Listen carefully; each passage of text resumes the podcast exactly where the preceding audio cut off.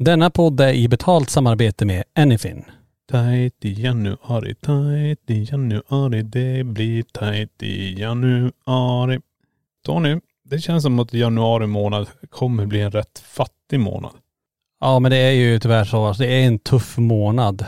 Tänk en del kanske har shoppat på Black Friday, Cybermåndag och lagt mycket pengar på julklappar. Och man kanske sitter med en del krediter och höga räntor nu. Ja, januari är ju en eh, rätt knaper månad för många alltså. Ja, jag vet inte hur många som känner till det, men det finns ju ett företag som heter Anyfin. Ja, men de finns ju för att de såg hur alldeles för många betalade mycket i ränta och avgifter för sina krediter. Och Anyfin, de kan ju då sänka din ränta på befintliga krediter. Så låt säga om man har en delbetalning eller en kreditkortsfaktura eller ett privatlån så kan man skicka in en ansökan till Anyfin.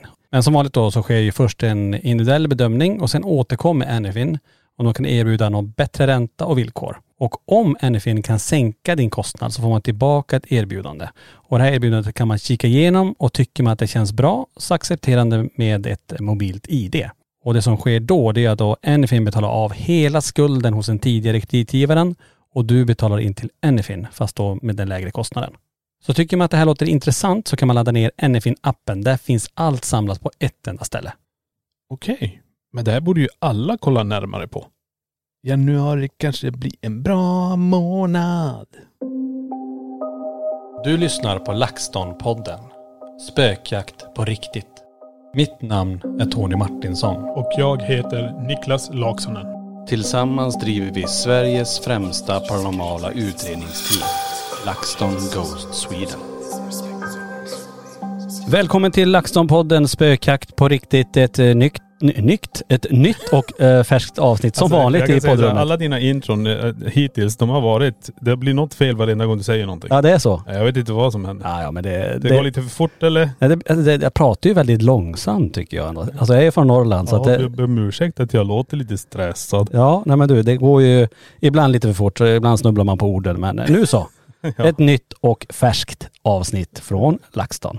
Så färskt. Ja, Ja. så är det. Vi får tacka hörni för förra veckan. Eh, Tack för alla kommentarer, alla delningar, alla gillningar. Det är ju så himla kul att ni fortsätter prata i spökjakt och eftersnacksgruppen på Facebook. Mycket, mycket bra. Vi gillar det med community, vi gillar era frågor, eh, ni hjälper varandra och det är, ja, det är helt otroligt. Ni är helt underbara. Vi ser också att podden eh, växer ju. Fler och fler som hittar in till oss. Och förstår ni, alltså ungefär 100 000 lyssningar per månad. Ja men det är helt galet. Det är, alltså det, tänk att det blev så. Och så himla kul att så många tycker om den här podden. Ja. Nej men det är, jag är glad över det. Ja, verkligen. Och det här är ju en lite speciell dag, för vi har ju faktiskt med oss eh, årets första gäst till och med. Ja. Ska introducera henne, för det är en hon, alldeles snart. Och idag Niklas ska vi prata lite grann om eh, tro. Ja, Och specifikt kanske den, eller kanske, det är den kristna tron. absolut. Mm. Anser du dig vara, vara kristen Niklas? Ehm, nej tyvärr. Det är, ju, nej, det är ju det som jag inte är. Är du döpt? Ja det tror jag. Jo det måste jag Nu är du ganska gammal, kommer du ihåg om du är döpt? Börja inte igen nu. Eh, jo det ska jag nog vara. I Jukkasjärvi kyrka tror jag till och med. Jukkasjärvi församling ja. Församling. Jo, Mm. det tror jag. Eh, ja men jag är också döpt, men jag har inte tagit konfirmationen. Men däremot mina barn är ju döpta och har tagit konfirmation också då. Jag sa, det, jag, vill, jag, jag sa till min mamma, jag kommer inte ta konfirmationen för jag vill inte ha någonting. Nej du, du tänkte Då så. bara, nej jag tar inte den. Det var bara på grund av det. Så var det. Ja men det var så. Jag Ja. sa det bara, jag- det finns inte en chans. Nej. Nej men det är ändå, på något sätt ändå så tror vi ändå på någonting, alltså det har vi pratat mycket om, att det är någonting mer. Mm. Sen är frågan vad det är någonting mer är för någonting. Ja absolut. Och jag tänker, vi har ju precis passerat en ganska stor högtid eh, inom den kristna tron, men även för oss tänker jag på, på LaxTon. Det är ju väldigt speciellt just kring jul, med tanke på vårt ursprung då. Mm. Och jag tänker vi kommer beröra både stora och, och eh, små frågor i vårt samtal med, som sagt, årets första gäst. Och eh, ja, vi hälsar eh, dig välkommen Sara Vrige, för, som är då församlingschef på Karoli församling. Tack så mycket. Ja, Ja. välkommen hit. Tack, tack. Du har inte besökt eh, museet eh, Nej, första innan. gången. Ja, Mm. som sagt jättevälkommen hit. Kan inte du eh, lite kort berätta om dig själv? Ehm, Jag heter Sara, jag bor i Göteborg, jag är snart 50, jag fyller 50 år så det är ett speciellt år på det viset. Ja, snart han också. Ja, han hade ett år till va? Ja, vem pekar du på? Ja, Det är viktigt att räkna de här liksom, åren man har kvar. Alltså, det är 50. som en nedräkning. Exakt. Snart. Ja, ja. Men jag har hört att det är då det börjar så att jag tänker att det blir eh, toppen. Helt rätt.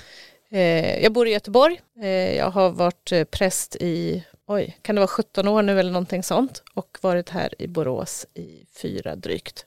Just det. Och eh, när kom du på att du ville börja arbeta som präst? Ja men det var någon gång när jag pluggade. Jag pluggade på Chalmers först. Jag har läst eh, fysik, eh, läst eh, till civilingenjör på, på Chalmers och sen har jag faktiskt doktorerat också i fysik. Så medans jag, ja, det måste ha varit i början på mina doktorandstudier, då hade jag också hittat tillbaks till tron och till kyrkan. Jag eh, var inte uppvuxen i någon kristen familj men jag var med i kyrkans eh, juniorer och miniorer när jag var liten. Eh, jag har konfirmerat mig, sen tyckte jag att det räckte. Eh, och var borta ett antal år, som många är. Och hittade tillbaks då när jag var en bit över, över 20. Eh, och då är man ju också i den vevan när man kanske funderar på lite grann vad man ska bli när man blir stor. Jag hade valt saker på gymnasiet och på universitetet där man liksom kan bli, man kan bli vad som helst, man kan välja sen. Eh, och i den vevan så upplevde jag en kallelse att jag skulle bli präst. Och då började jag läsa. Hur, alltså, hur gick den kallelsen till? Det där låter jätteintressant. För jag hörde, många får ju det. Hur, hur var det för dig? För mig var det så att jag eh, funderade på vad jag skulle bli, vad jag skulle göra. Liksom det här, inte bara vad man ska ha för yrke, utan liksom vad, vad är mitt syfte eller vad ska jag göra för någonting liksom som betyder någonting. Eh, och jag tänkte mycket på det, jag bad en del över det. Eh, och det kändes som att det fanns någonting men jag kunde inte komma på vad det var. Jag brukar beskriva det som att det är att man har ett ord på tungan men man vet inte vad det är men man vet att det finns där. Eh, och så var det under ett relativt långt tag, kanske ett halvår, ett år någonting. Eh, och sen var det en eh, annandag pingst, en, det var fortfarande en röd dag, jag var i kyrkan på annandag pingst och innan gudstjänsten börjar så sitter jag liksom där och väntar på att den ska börja och så bara vet jag vad ordet är. Jag bara vet att jaha, jag ska bli präst, oj, jaha, var det så? Alltså då, mm. Och då hade jag ju tänkt på det så länge fast jag inte visste vad jag, vad jag tänkte på. Eh, så då var, jag ganska, då var jag ganska trygg i det. Så att det är ju början på juni. Eh, så sen några veckor senare så ringde jag universitetet och frågade om det gick att hoppa på någon kurs till hösten. Och det löste sig och på den vägen är det. Mm. Mm. Det var spännande då. Ja, att man bara kan få till sig sådär när man kanske funderar över, över livet. Vad är det jag, alltså meningen med livet, vad är det jag ska göra, vad är syftet? Och så kommer det till ja. en som en... Ja. Eh. Och sen tror jag att det kanske, alltså det hänger ju ihop med de här sakerna, tänker jag att man funderar på vad man ska bli när man blir stor. Eh, vad man tycker är roligt, eh, vad man trivs med att göra, alltså sådana saker också. Liksom. Mm. Ja, vad spännande. Ja, verkligen. Det här då, tror du, tror du på spöken? Tror du att eh, det finns energier och andar? Finns de? Nu, när du säger så tänker jag att det är många frågor i samma fråga. ja, jag förstår det. Jag hade tänkt så här, jädrar vilken övergång. Det var bara så här, här Jo men jag tänker vi kommer att gå högt som lågt här. ja, jag kan säga också att i mitt yrke så är man van vid det. Det kan liksom vara så här, det är så. hej jag heter Kalle. Du vad tänker du om det här? Ja. Och så liksom är det Perfekt. inte, vad tycker du om broccoli? Ja. Liksom, vad tänker du om tidens slut på något sätt? Så, så kan det absolut gå till. Ja. Nej, men jag, tänker, jag tror inte på spöken i den bemärkelsen som jag tror att du menar.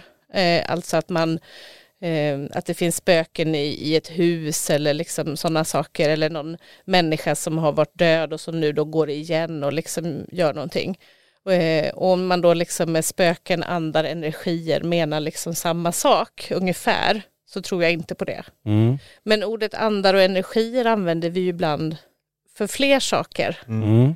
Eh, man kan ju prata om en människas ande eh, liksom i bemärkelsen kanske andlighet, någonting sånt. Mm. Det tror jag ju på. Eh, man kan prata om den heliga ande, en del av Gud, det tror jag ju på. Eh, energier är också ett sånt ord som vi använder väldigt, väldigt brett. Alltså mm. man kan säga så här, nu har, jag, nu har jag ingen energi längre och då menar vi ju inte liksom att, ja vi kan ju mena att blodsockret har gått ner, men det kan också vara liksom mer en inre upplevelse än en rent fysisk upplevelse. Det behöver inte vara att man liksom har motionerat och är helt slut utan liksom man, är, man är trött på någonting eller man är stressad eller liksom så. Mm. Så de orden är ju lite klurigare. Det är ju det, vi, vi eller många, så när man pratar just om det med spöken, energier, eh, andar, så är det ju flera, använd, precis som du är inne på, använder ju ordet för samma sak lite, mm. blandar ibland kanske till och med ihop det. Vi pratar ju ofta Niklas om energier, det är mm. sällan vi ser spöken. Ja, nej, vi pratar ju om att... Eh, eller entiteter. Ja, att det finns någonting kvar mm. eh, efter att vi har sen gått bort då. Då pratar vi ju ofta sagt om, om energier. Men det, det är som du säger, man, man blandar hejvilt här i begreppet också. Precis, och om man menar med någonting menar liksom någonting som man i någon mening skulle kunna mäta mm. eh, på något sätt, då tror jag ju inte på det. Nej. Men om man med någonting menar, alltså när en människa går bort så har vi ju självklart kvar eh, minnen, upplevelser, bet människans betydelse. Det är ju också någonting. Det. Men det är inte riktigt det du menar tänker jag med energier och entiteter. Nej precis, det är väl lite mer att ja. i den bemärkelsen som vi, vi ser det. Så, det. så tror jag inte på det. Men jag tänker att orden är liksom, de är lite kluriga här. Ja, ja vi kan hålla med där. Men jag tyckte det var intressant att du sa just det med att man har kvar ja, intellektet om man säger så, sina tankar och känslor eller eh, när man går bort. Nej jag tror det var mer att den som, de som är kvar, det är det du menar? Ja precis, ja. alltså jag tänker mer att du har minnen och erfarenheter ja, ja. av personer i din närhet som mm. har gått bort. Eh, och att du kan liksom, ja men det är många som kan säga så här, ja men det är som att jag hör min mamma eller pappa eller syskon mm. eller vad det nu är för någonting i mitt huvud liksom. Säger något till mig varje dag. Okay. Men den menar inte, eller den behöver inte mena att det är så att säga en entitet som säger något utan det är det, det, det är dina hjärnspöken jag på att säga. Alltså det, det, blir du själv som manifesterar dem i dig själv. Ja precis och jag tänker att det här är ju, det här är ju språket klurigt för oss. Mm. För någon person skulle kunna mena att det är en entitet eller liksom så som jag pratar mm. med. Och någon annan skulle med samma ord kunna mena att det är det inte alls utan det är, det är mina minnen så att säga och ja, det är helt Nej, då förstår jag. Eh, vanligt på det sättet. Precis. Mm. Eh, det är väl där kanske vi kom in lite grann i bilden. Vi vet ju om det här, det du pratar om. Mm. Men vi ser ju de här fysiska fenomenen. Mm. När saker förflyttas. Vi ser dörrar öppnas, stängas. Det är de vi vill försöka mm. dokumentera och komma åt. Mm. Eh, och det är väl kanske där vi menar med spöken också. Mm. Är, är det energierna av någon som har gått bort som mm. gör det här? Eller vi har pratat om det tidigare också, är det vi själva som manifesterar det i oss mm. själva så vi kan få det fysiska fenomenet att ske? Mm. Det är lite som.. Eh, Tankens kraft lite grann. Ja, är man, har man den förmågan, har vi den förmågan att faktiskt kunna projicera det vi vill ska hända, att det faktiskt händer. Mm. Och att egentligen själva är det ingen, ingen, inget spöke som flyttar mm. den, här, den här bollen eller den här stolen, utan det är, det är vi själva. Det där är ju eller, jättesvårt. Nej, det är det jag menar. Är det bara vi själva som ser det i oss inre? Alltså det händer inte. Mm. Utan vi tror det händer, förstår du? Mm. det här blev väldigt djupt, ja, nej, men, nu, men, väldigt nu, intressant. Nu gick vi dit bort ja. Nej men det blir så, det tycker jag är jätteintressant. Men eh, det är ju det som vi eh, försöker titta på då. Varför händer de eh, fysiska fenomenen? Eh, varför ser folk den här eh, kanske döda släktingen eller skuggfigurer vad det nu handlar om där. Vi kommer komma längre säkert fram eh, i det här men det är det jag tycker är intressant om man lägger den tanken mm. på den också. Att det här, alltså det är bara du som ser det här i, i dig själv eh, med den teorin. Mm, ja det är coolt. Mm.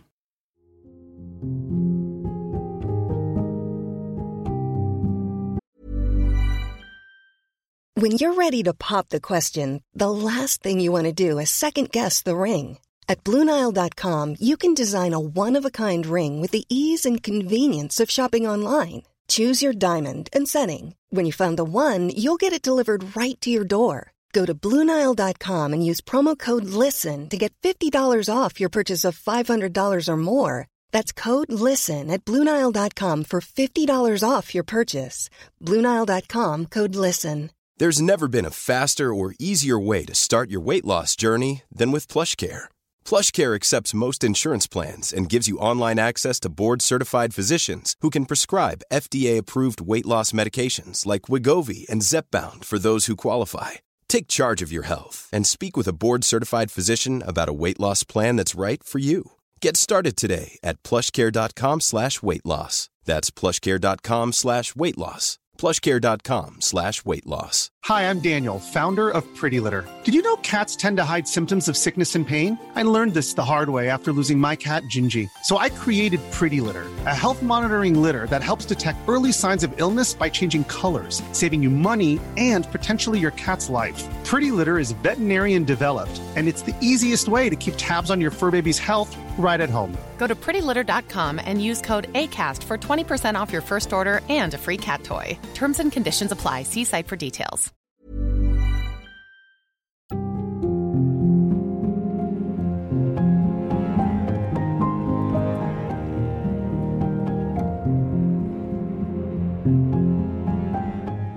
Men Sara, har du någon gång varit med om något eh, övernaturligt eller något du inte kan förklara? Det behöver inte kanske vara övernaturligt eller något paranormalt utan har du varit med om någonting som att det här kunde inte jag förklara. Jag var med om den här händelsen och vad det kan vara kanske du inte vet, men har du någonting sånt? Återigen så hamnar vi hamnar i de här orden på något sätt. Alltså om man pratar paranormalt, det är ju lite mer väldefinierat. Mm. Skulle jag säga. Då, då, är svaret nej, det har jag inte varit med om. Nej. Om man säger övernaturligt, vad menar vi egentligen med det? Mm. Eller hur? Mm. Alltså jag tänker att vi är med om massor med saker som på ett sätt är alldeles vanliga och som vi alla är med om. Eh, eller många av oss, eller liksom vi förstår att vem som helst kan, typ ta kärlek. Mm. Alltså så. Är det naturligt eller övernaturligt? Är det förklaringsbart eller inte? Vi, med, vi tycker ju inte att det är paranormalt i alla fall. Nej, eller hur? precis. Eh, men det är ju väldigt speciellt att få, att få uppleva det. Och liksom den typen, alltså alla de här relationssakerna liksom. Och tar man någonting eh, sämre, eh, ångest, eh, är det naturligt? Är det övernaturligt? Alltså det är, klur, det är kluriga ord. Sen tänker jag att det finns saker man är med och upplever där man liksom tänker att ja, men det bara faller på plats och det känns helt speciellt. Eh, och det förstår vi också att det liksom kan vara tillfälligheter. Det behöver inte alls vara speciellt i någon slags paranormal mening mm. för att vi upplever det som speciellt. Och jag tror att en del av det här tänker jag att vi är med om, de flesta av oss, liksom he hela tiden. Eh, och att det, jag skulle gärna uppvärdera det. Mm. Ja. Ja, jag förstår det där och det är ju som du säger, allt, allt går ju inte att förklara. Alltså varför blev jag, varför blev jag ihop med den jag blev ihop mm. med och, och man tittar på ödet, att vi träffades flera gånger egentligen innan vi ens var tillsammans. Och ödet, om man nu får kalla det ödet eller vad du nu eh, kallar det för, övernaturligt, eh, att vi ändå träffade varandra. Mm. Eller att, man, att det händer saker i ens liv. Precis som du var inne på, den känslan när allting faller på plats, mm. allting flyter på. Det känns som att du du är, du förstår mm. och, du, och allting bara, alla pusselbitar faller på plats väldigt enkelt. Mm. Att det är som ett flow. Inte, har du upplevt en sån känsla så någon, någon gång Niklas? Allting bara går av, det känns riktigt, riktigt bra. När allting ja, det är precis som man klaffar. känner sig lite oövervinnlig. Ja men nästan så. Ja precis. Men det, det, kan man ju ta i sport. Eh, du kan ju vara hur duktig som helst alpaflyg. Du kan kasta bollen, typ i basket, du står på mm. andra sidan och bara hivar den så den kommer gå i. Det, jag menar, du känner det? Ja man känner det i kroppen. Ja. Ehm, och det, det har man väl varit med om kanske att man har känt att jag kommer, ge mig bara bollen så gör jag mål. Det är så det är. Mm. Ehm, nej men ja, självklart. Sara då, enligt dig, vad, vad, vad, tycker du är det, är det fina och vackra med just eh, den kristna tron? Om du får välja ut, nu är det en stor fråga igen, om du ska ta några ord eller någonting som beskriver det, som du tycker ändå sticker ut eller som något som gör att, att du är just kristen? Ja, alltså jag tänker att vi ska välja någonting så tycker jag vi kan titta på julen då som vi nyligen har mm. haft. Eh, det är ju i alla fall signifikant för den kristna tron att Gud väljer att bli människa eh, och att på det viset minska avståndet mellan sig själv och människan. Och att det liksom på något vis verkar det som att det är det Gud vill, att komma oss nära och att, att minska det här avståndet då mellan det gudomliga Gud och oss människor. Eh, jag tror inte att den kristna tron är helt unik med det perspektivet, men det är i alla fall någonting som är väldigt speciellt eh, och som jag värderar mycket. Mm. Mm.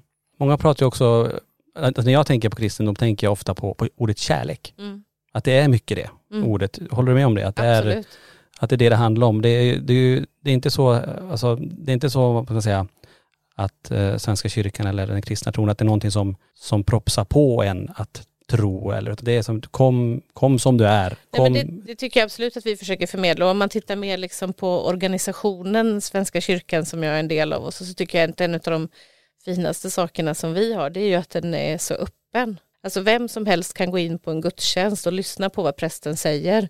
Du behöver inte tala om vid dörren att du är kristen, du behöver inte vara medlem, du behöver inte hålla med om någonting. Och det gör ju liksom att allting blir transparent och tillgängligt och för var och en att, att bedöma. Eh, och det tycker jag, det gör också människan, alltså varje människa blir liksom myndig i sig själv. Mm. Eh, det tycker jag om. Mm. Vilka är då utmaningarna i, i, idag tycker du när det gäller, jag tänker förr i tiden så var det ju, då vallfärdade man ju till kyrkan och det var en ganska stark kristen tro. Eh, Niklas du berättade att du inte är kristen till exempel mm. i, i, i den bemärkelsen. Eh, men att hur, hur, jobbar man idag för att nå ut med, med sitt budskap eller som sagt att folket känner till det? Ja men jag tror att vi försöker liksom både så att säga vi som jobbar i kyrkan, de som är aktiva i kyrkan och, och, och kristna som kanske inte är lika aktiva, att liksom vara där att vara där människor är, att möta människor eh, varandra och andra på något sätt och att liksom att leva det kristna livet med, med människan man möter. Sen tänker jag att det finns en utmaning i att jag tror att det är i vår kultur i Sverige idag så är det en väldigt stor tröskel att säga att man är kristen. Mm. Mm. Eh, och jag har full respekt för att man säger jag är inte kristen men man kan också möta människor som säger Ja, nej, alltså jag vet inte. Ja, jag, jag, klart jag tror på Gud och ja, jag går i kyrkan ibland, men kristen, nej, jag vet inte. Mm. Eh, och då tänker jag att jag skulle önska att man kände sig mer frimodig. Man får kalla sig själv vad man vill. Mm. Men att man inte behövde känna det här, att det blir någon speciell etikett som man inte känner sig bekväm med. Det tycker jag är lite olyckligt. Mm. mm. Men det är exakt det du säger där, det, det sista, just som att man inte riktigt vet. Men man, mm. man går ju till kyrkan, man mm man går på en, på en gudstjänst, man, man, man kanske är döpt och har alltså, mm. haft konfirmationer, man gifter sig i kyrkan kanske. Eh, så någonstans ligger det ju där, men man vill inte gärna som du säger sätta en etikett på, mm. På det. Men jag vet inte om man ska kalla, kalla sig då, men då är man ju på ett sätt ändå inne i, det, i den kristna tron. Ja men så tänker jag också, många skulle, jag tror att många människor man möter säger att ja, men jag är troende eller jag är andlig eller liksom någonting sånt. Och, och det är också helt, alltså, var och en måste få bestämma själv vad man vill använda för etikett. Eh, men jag kan tycka att, en, att det är lite synd om oss alla när en del etiketter blir förbrukade i onödan. Mm. Det är väl vad jag tycker. Ja. Mm. Hur ser du på kroppen? Kropp och själ, är det två olika saker? Eller är det ett och samma? Eh, återigen, det beror ja. på vad man menar.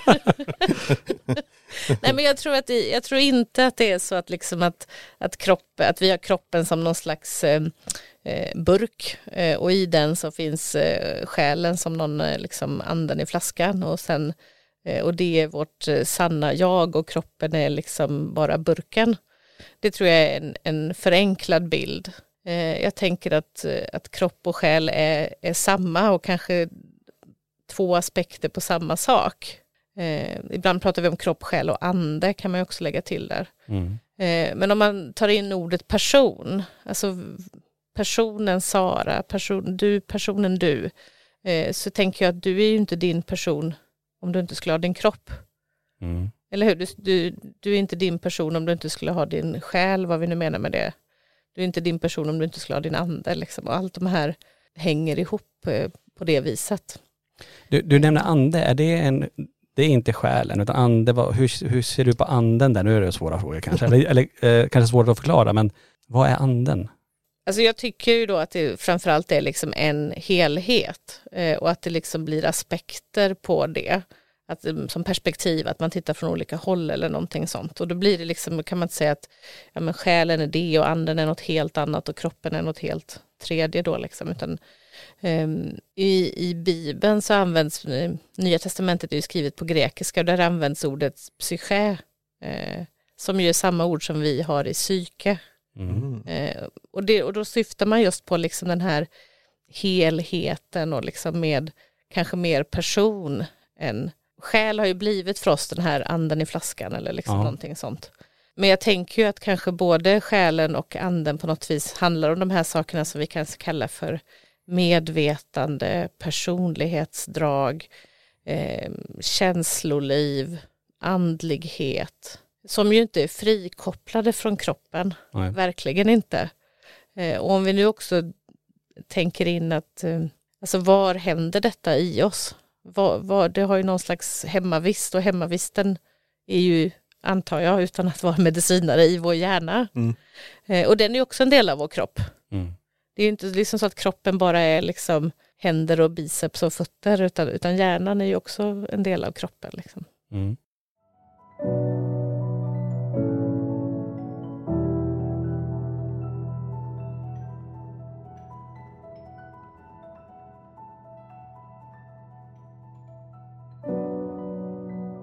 Ja, men så det är ju svårt att hänga med kanske, men när vi pratar så pratar vi ofta om kroppen och så själen eller energin. Mm. Där, är vi, vi, där blandar vi också med de här begreppen och vi, vi tror ju någonstans att, att kanske energin eller själen, att den, den åker, eller tar vägen någonstans.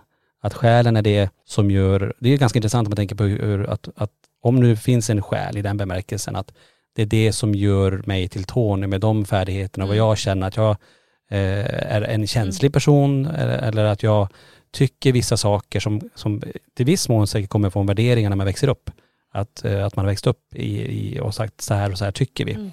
Men ibland så finns det ju saker som inte riktigt vet var det kommer ifrån. Det är bara så att man är eh, empatisk. Ja, men även om det kommer från när du har vuxit upp så har det ju hänt någonting med dem i dig. Ja, det var ju inte så att någon liksom bara skrev in det på ett papper och stoppade in i ditt huvud utan det har ju hänt någonting.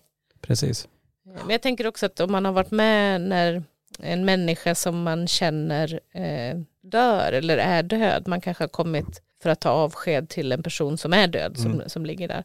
Så tycker jag att det, det har i alla fall varit min erfarenhet och jag tror att många gör den erfarenheten att det är både så att det är den här personen som ligger där och det är samtidigt så att det inte är den personen mm. som ligger där. Exakt. Eller hur? Ja. Mm. Um, och det, det tycker jag fångar, alltså jag tror att det fångar det här på något sätt. För att, att det är liksom, det är inte bara ett skal som ligger där som är helt frikopplat från den personen som är borta. Men det är heller inte så att personen är där i sin helhet. Nej precis, nej jag förstår Nej. exakt. För det, vi var ju med när vår mamma gick bort. Mm. Eh, och när hon tar sitt sista andetag och det blir bara lugnt. Mm. Man märker att hon finns inte kvar. Nej. Det, det, eller hur? Det, det är en tomhet. Det, det, ja. det var så jävla tomt. Alltså, ja. ja. det, hon är där men en, Ja precis och samtidigt så är det ju mamma som ligger där. Ja jag vet. Eller hur? Jag vet. Men man märkte att hon har gått via. Hon finns inte här, hon har gått någonstans nu. Det är bara så det är. För det var, det var jätteskumt. Men eh, ja. Men det, där kommer vi in på nästa fråga faktiskt. Eh, vad tror du Sara händer den dagen vi tar vårt sista andetag, när vi, när vi faktiskt dör? Mm.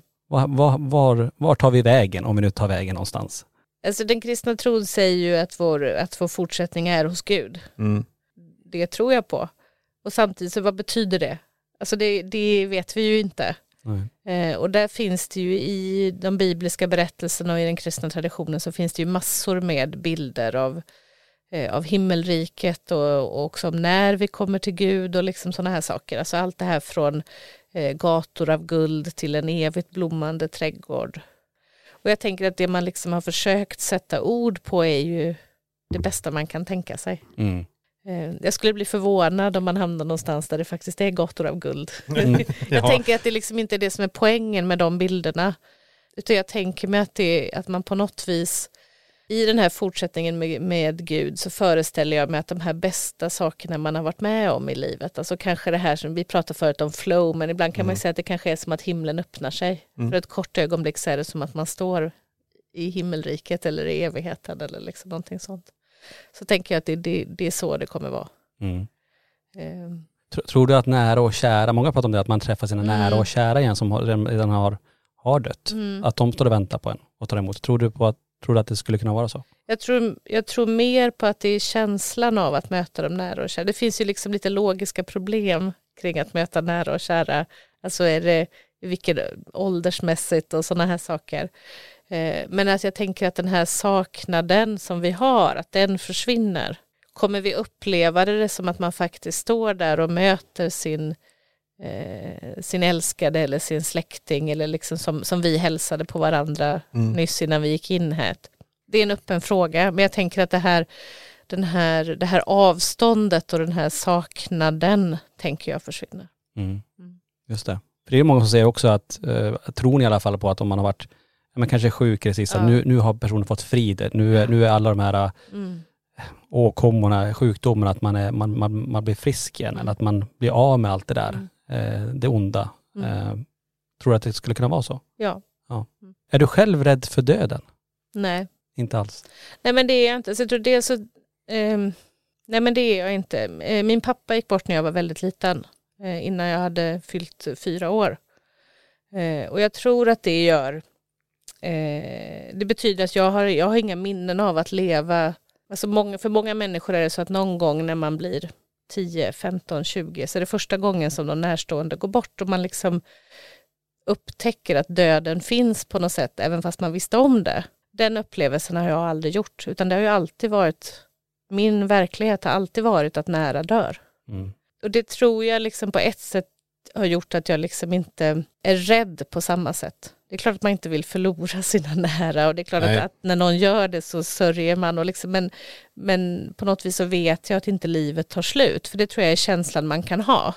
Och med vet här så tänker jag att det finns också, alltså för jag tänker att alla vet i sitt huvud att livet inte tar slut för mig när en närstående dör. Men känslan kan vara att då kommer mitt liv att ta slut. Mm. Så det tror jag liksom är för mig personligen en faktor i att jag liksom aldrig behövde omorientera mig på ett sätt. Eller jag var väldigt liten när jag omorienterade mig så att jag liksom behövde inte, ja, jag kommer inte ihåg det, så kan jag väl säga. Jag tror också att det är en del, alltså det är också en del av mitt, det är en del av mitt jobb. Jag jobbar i närheten av döden. Inte i bemärkelsen så ofta av människor som dör, det kan ju hända, men inte som i vården tänker jag, där man mm. jobbar nära människor som dör ofta. Men jag jobbar ju nära döden när jag möter sorgehus eller eh, alltså familjer till eh, någon som ska begravas och liksom sådana saker. Mm. Och då tänker jag också att jag ser också, alltså förutom att man får en viss eh, eh, vana i det som ju också gör att man blir mindre rädd, så ser jag ju också att alltså om man ska säga något generellt om människor när någon närstående går bort så är alltså människor är så fina. De tar hand om varandra. Man, mm. liksom, man försöker fixa och dona och ja, ni vet ju hur det kan vara i familjer. Det kan finnas konflikter och det kan finnas klurigheter och så. Man försöker få det att funka. Mm. Eh, är min absoluta bild. Och det tycker jag också gör att man inte behöver vara rädd. Mm. Ja, fint. Men jag tycker det är ganska intressant som du säger också det här, du var nära döden hela tiden, att det var det som mm. gjorde att du inte är rädd för döden. Mm. Eh, för jag har ju märkt det, när vi startade upp det här med eh, LaxTon och vi började, alltså fenomenen vi hade hemma, det, jag kan inte förklara dem. Det är det som gjorde mig lite så här fundersam. Jag vet också, det, det är lite där vet jag att jag hoppade av Gud. Mm. När min kusin gick bort 88. Där, då sa jag bara, det, det, kan det här ske, då vill jag inte ha med det här att göra. Eh, och då, det där, då blev det aldrig kyrka eller någonting mm. sånt för min del. Men eh, sen är det också de här, alla de här fenomenen, allt som vi har hållit på med nu sedan 2014 har tagit bort min dödsångest. Mm. Den var extrem. Mm. Eh, flyga flyg gick inte. Allt är väck. Tack vare det här vi gör. Mm. Så det är ju det som jag hittar i mig själv att inte vara rädd för mm. döden. Det, det är det här vi gör. Mm. Så det är ju också lite grann hur, samma som du sa, mm. att du var nära det som gjorde att du inte, inte är rädd för döden. Vi har ju också, alltså jag upplever att vi kanske håller det på att ändras lite grann nu, mm. eh, faktiskt med sociala medier tror jag. Men jag tycker annars att döden har ju blivit en privatsak. Mm. Eh, att man, det är begravningar är ofta i, släkt, i kretsen av de närmaste, man, eh, eh, jag menar för länge sedan så kanske man gick och så att säga besökte den döda, alltså den låg uppställd hemma eller liksom någonting sånt. Det gör vi inte heller. Eh, vi kanske inte talar om när någon anhörig har dött. Förr hade man ju sorgeband och sådana här saker. Precis. Och det är väl skönt att en del av de här kanske stela sakerna har försvunnit. Men det gör ju också att man kan bli ganska ensam Mm. Ehm, det kanske inte är någon annan i, på jobbet som vet att man har förlorat sin förälder eller vad det kan vara för någonting, för vi berättar inte det för mm. varandra. Och då blir det ju också, alltså då får man ju också uppfinna allting själv. Ja, nej, precis. Jag förstår. Och sen kan man undra varför det har blivit så lite grann. Det, samhället har ju förändrats. Alltså mm. förr vårdade man ju sin, sina nära mm. eh, ända in i det sista och hade dem hemma. Men nu, som du är inne på, så är det så att man, man bär det på sig själv. Man vill mm. nästan inte vara vara jobbig eller att man tycker att det är jobbigt att ta upp eller att man vill mm. inte att någon ska veta om för man tycker kanske att själv att det är jobbigt. Mm. Eh, att, eh, så att inte någon vet om att min, min mamma har dött till exempel. Att ja, man men, säger ingenting. Och det är ju jättesvårt, man kanske inte, man kanske inte vill gråta på jobbet så att om man, berättar, man låter bli att berätta det så är det lättare att låta bli. Mm. Eh, och den som har hört att någon vet inte vad den ska säga så att det, jag kanske bara säger något dumt så det är bättre att jag är tyst. Men jag tror inte att det funkar så. Jag tror egentligen att det skulle vara bättre om vi pratade mer med varandra och att det kanske var okej att gråta på jobbet. Om inte, om inte jag är den enda som har gjort det så kanske det inte är så farligt. Nej. Men jag tycker också att jag ser en tendens med sociala medier.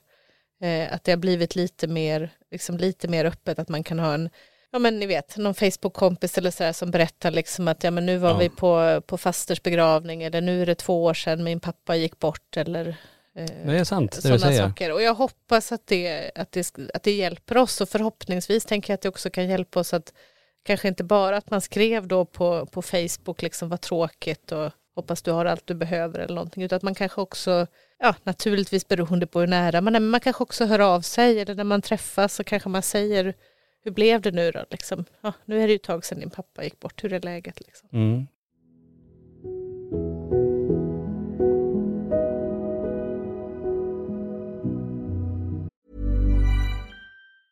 There's never been a faster or easier way to start your weight loss journey than with PlushCare PlushCare accepts most insurance plans and gives you online access to board-certified physicians who can prescribe FDA-approved weight loss medications like Wigovi and Zepbound for those who qualify. Take charge of your health and speak with a board-certified physician about a weight loss plan that's right for you. Get started today at plushcare.com slash weight loss. That's plushcare.com slash weight loss. plushcare.com slash weight loss. Mom deserves the best, and there's no better place to shop for Mother's Day than Whole Foods Market. They're your destination for unbeatable savings, from premium gifts to show-stopping flowers and irresistible desserts. Start by saving 33% with Prime on all body care and candles. Then get a 15-stem bunch of tulips for just $9.99 each with Prime. Round out Mom's menu with festive rosé, irresistible berry chantilly cake, and more special treats. Come celebrate Mother's Day at Whole Foods Market.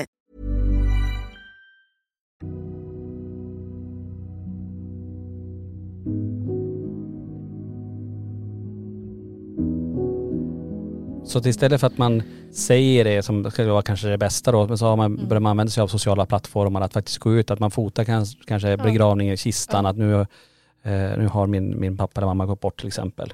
Och att det är ett nytt sätt att förmedla och bearbeta sorgen på ett sätt. Men det är sant det du säger, om man tänker att det är ju som att istället för att man säger saker, man har flyttat över det till sociala medier och kanske mer öppet gå ut med det där, för att det är lättare på något vis ändå. Att det, visst, det är en del i sorgeprocessen också tror jag, men, men det är som sagt, det vore ju eller så det är enklare att få en kommentar på Facebook att beklaga sorgen eh, och, och så massa hjärtan än att faktiskt, eh, det, det kräver lite mer mod att komma fram till en också och, och faktiskt tala om det så här att, alltså hur är det att beklaga verkligen det här.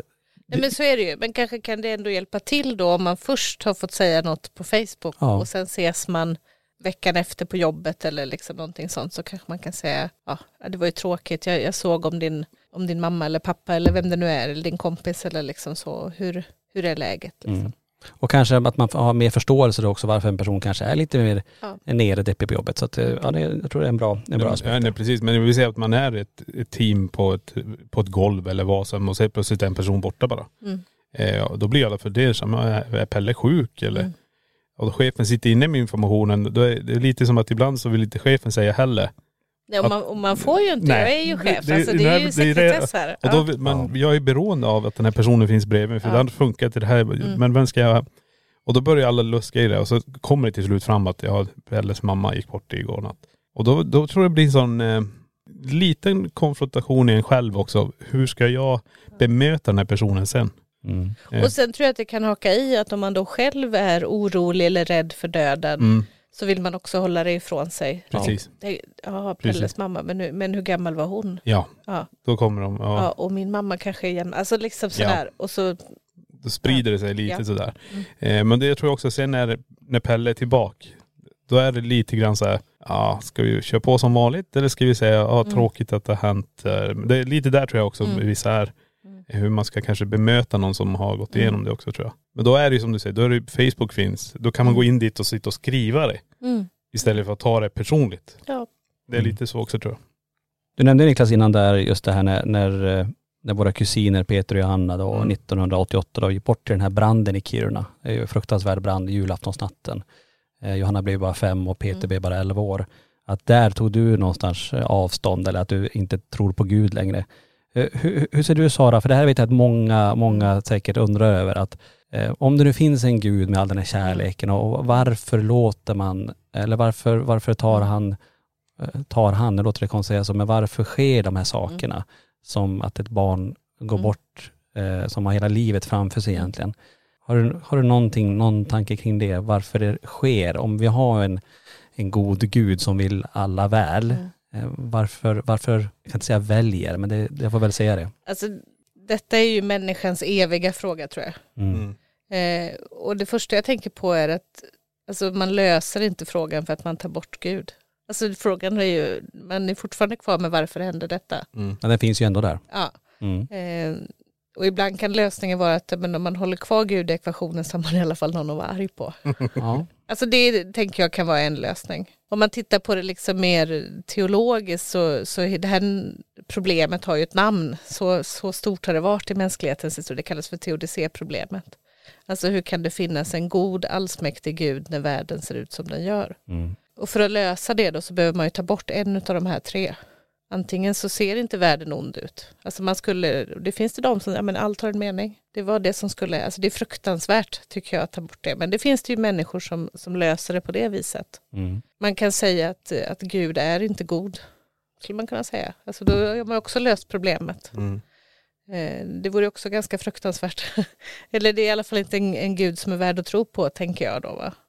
Eller så är Gud inte allsmäktig. Och det är ju oftast den vanligaste lösningen, att på något vis ta bort Guds allmakt ur ekvationen. Och det man ofta brukar prata om då är ju att, att Gud så att säga väljer att begränsa sin allmakt. Att Gud liksom backar ett steg från att styra, bestämma allt.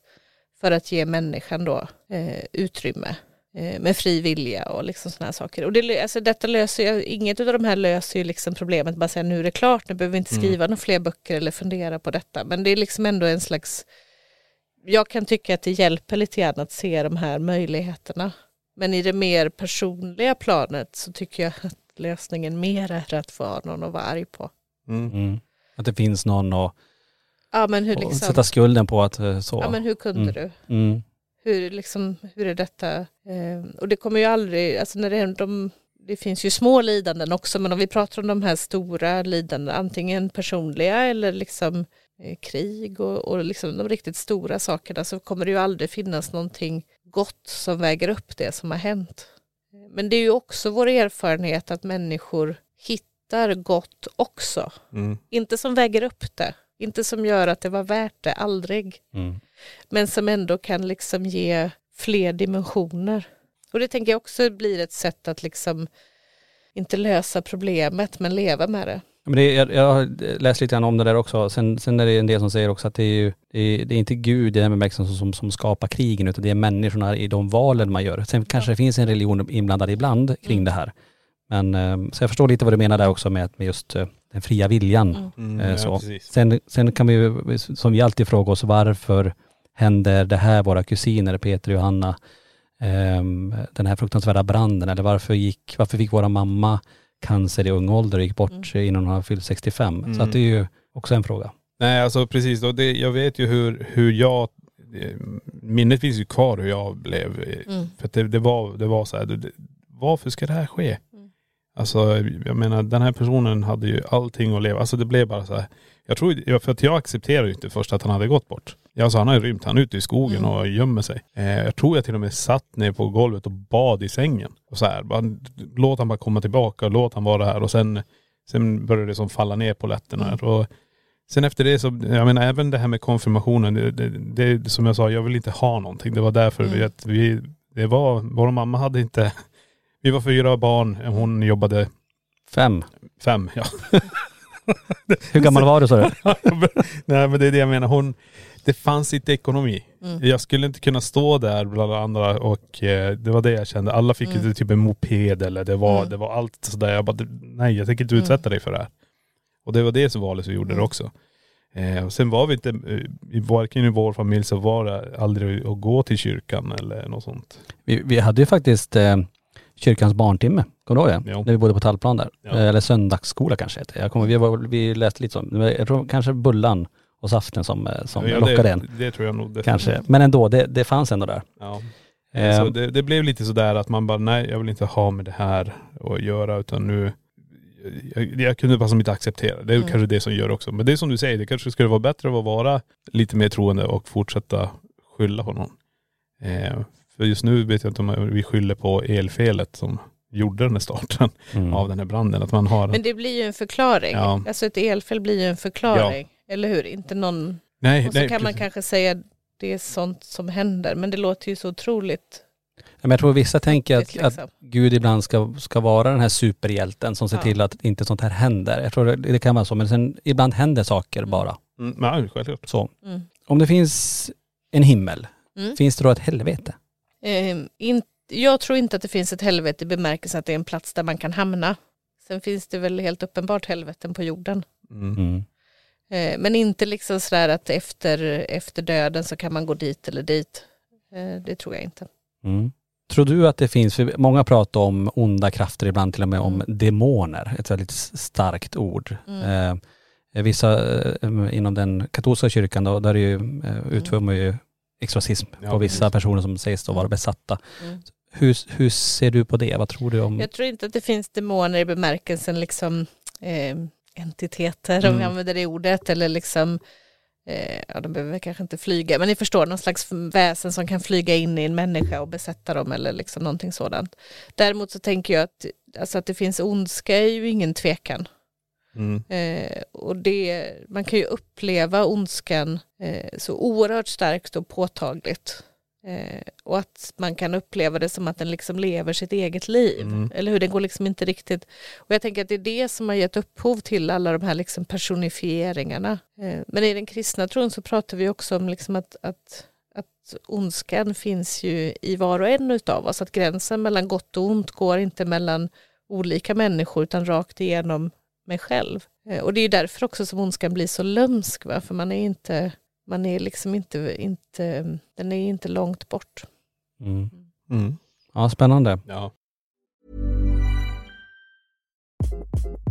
Hi, this is Craig Robinson from Ways to Win and support for this podcast comes from Invesco QQQ the official ETF of the NCAA. Invesco QQQ is proud to sponsor this episode and even prouder to provide access to innovation for the last 25 years. Basketball has had innovations over the years too. We're seeing the game played in new ways every day. Learn more at Invesco.com slash QQQ. Let's rethink possibility. Investco Distributors, Inc.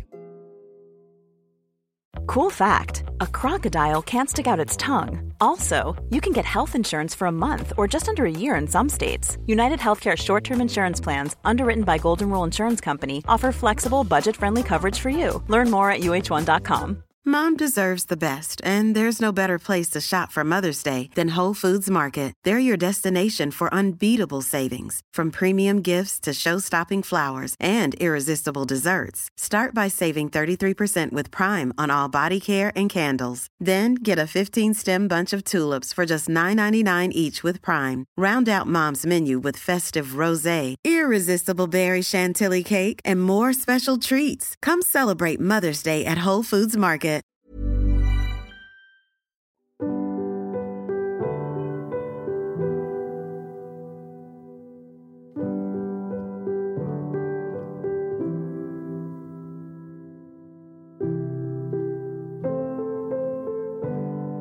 Jag vet inte, har du någon gång varit uppe i Borgvattnet, eh, uppe i Jämtland, Borgvattnets prästgård? Är det någonting du känner till? Nej, jag har inte varit där och känner inte till det. Nej, så vi äger ju Borgvattnets prästgård sedan, mm. sedan fyra år tillbaka och det här var ju en, en gård där präster med sin, sina familjer bodde en dag och mm. verkade. Det var inget konstigt egentligen. En, eh, en gård byggd, ett hus byggd 1876 då. Men där började det hända ganska intressanta saker med, mot just präster. Vi hade ju Erik Lindgren då 1947 som går ut i media och talar om att han blir knuffad ur den här gungstolen av någonting han mm. inte kan se. Mm. Och det är biskopen Bolin eh, mm. under 50-talet går också ut i media och talar om att det hände märkliga saker i den här prästgården uppe i mm. Jämtland. Och det här måste utredas. Eh, och där pratar man om spökerier i den bemärkelsen, eh, mm. så som du inte tycker kanske att, att du ser på det. Mm. Så, har, har bilden förändrats hur det var förr om man tänker med ja, men, tro, folktro, väsen. Eh, man pratar mycket om sånt som, som kanske finns just, eh, som man pratar om eh, långt tillbaka. Eh, har det ändrats den Det känns ju som att det är ni som skulle vara experter på detta, inte ja. jag. Men det är ganska intressant just med att, att där blev det verkligen präster och många präster ja. efter gick öppet ut ja. och berättade om de här ja. spökerierna, eller att, att det hände märkliga ja. saker helt enkelt. Men det är som sagt, du har ju inte varit där. Nej, och jag kan inte säga att jag liksom har något historiskt perspektiv på detta. Eh, nej. Nej. Nej, jag, tänker, jag tror du tänker också lite grann, vi har ju en, den här puken som finns i kyrkan där. Ja det finns också en.. Ja, som, ja. som det skulle vara något, de har bundit någonting och gjort någon grej och har den fortfarande i kyrkan där. Mm. Eh, jag vet inte vad, det, vad var historiken kring den? Det var... Ja men det var ju mer att faktiskt då kunna se till att man fick, eh, ja, att det gick bra för en i livet med, ja. jag vet inte om det hade med, med jordbruket att göra. Mm. Um, och att man, eh, nu har jag till och med glömt bort hela historiken kring det där, men den, den finns i kyrkans inventarielista ja. till och med. Mm. Och är kvar i kyrkan som, mm. ett, som ett objekt. Mm. Som inte kanske tillhör det vanligheten. Just Precis. Att man, ja, jag tror det är Tony tänker på, just med kanske närheten av inte kanske spökerierna, men just det här, eh, kanske som du sa, väsen, andar och Mm. att det Mm. kanske var lite mer närvarande. För att vi, backar vi tillbaka som vi sa när man hade det här med, man hade kanske döda hemma, man kunde gå och Mm. besöka dem och låg där, man kunde gå och säga säga sitt farväl. Det var mer normalt. Eh, just nu är det ju nästan som att man, en person går bort, sen, sen får man ju som inte se någonting, man ser en kista. Och jag har inte sett den här personen på tio år, jag har ingen aning hur den ser ut. Mm. Om det blir där att man är så nära döden på något vis. Så att, eh, ja, kanske energierna, andarna, entiteterna går runt och gör de här sakerna Mm. så starkt. Jag vet inte. Ja, Jag vet inte riktigt vad jag ville komma med det här men det var lite ändå intressant att där på den tiden såg i alla fall prästen och gick ut ganska Mm. öppet med det. Att det kanske har skett någon förändring mot hur det är idag.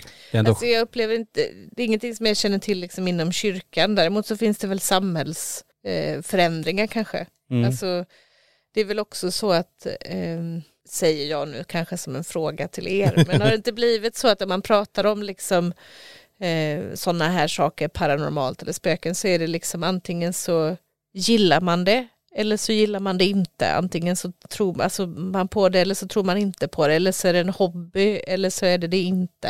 mm. Eh, är min bild.